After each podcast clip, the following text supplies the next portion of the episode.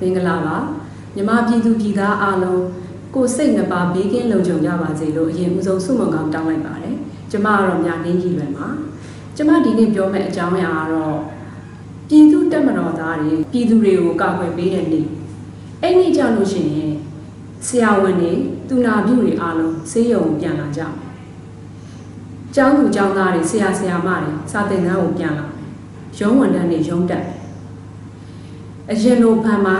ငွေတွေအပ်မယ်မီတာကတွေအခွန်အခတွေပြန်ဆောင်မယ်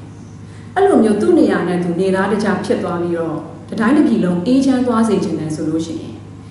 တက်မတော်သားတွေအားလုံးစစ်တမ်းရအောင်ပြန်ပြီးတော့ပြည်သူတွေကိုအပြည့်အဝကာကွယ်ပေးပါ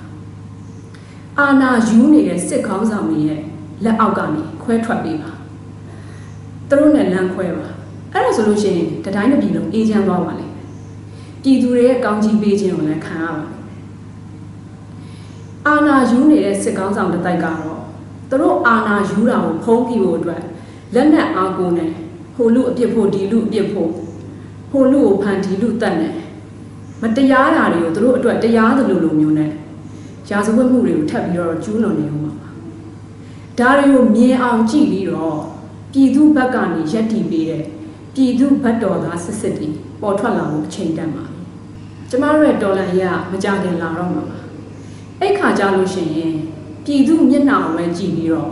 ပြည်သူဘက်ကနေအပြည့်အဝကာကွယ်ပေးမယ်ပြည်သူတက်မတော်သားပြည်သူရဲ စစ်တီစစ်စစ်တီဖြစ်သွားအောင်လို့အသင့်ပြန်ထားဖို့လိုပါပြည်သူဘာဖြစ်ဖြစ်ငါတို့ကိုကာကွယ်ပေးဆိုရဲအာနာယူနေတဲ့စစ်ကောင်းဆောင်တွေရဲ့တက်ထဲရဲထဲမှာပဲဆက်ပြီးတော့မိုက်တွင်းနဲ့နေအောင်မယ်ဆိုလို့ရှိရင်တော့ကိုယ့်သဘောနဲ့ကိုယ်ပါအဲ့လိုလူမျိုးတွေကိုလည်းကျမတို့ပြည်သူတွေရဲ့ဘုံရန်သူအဖြစ်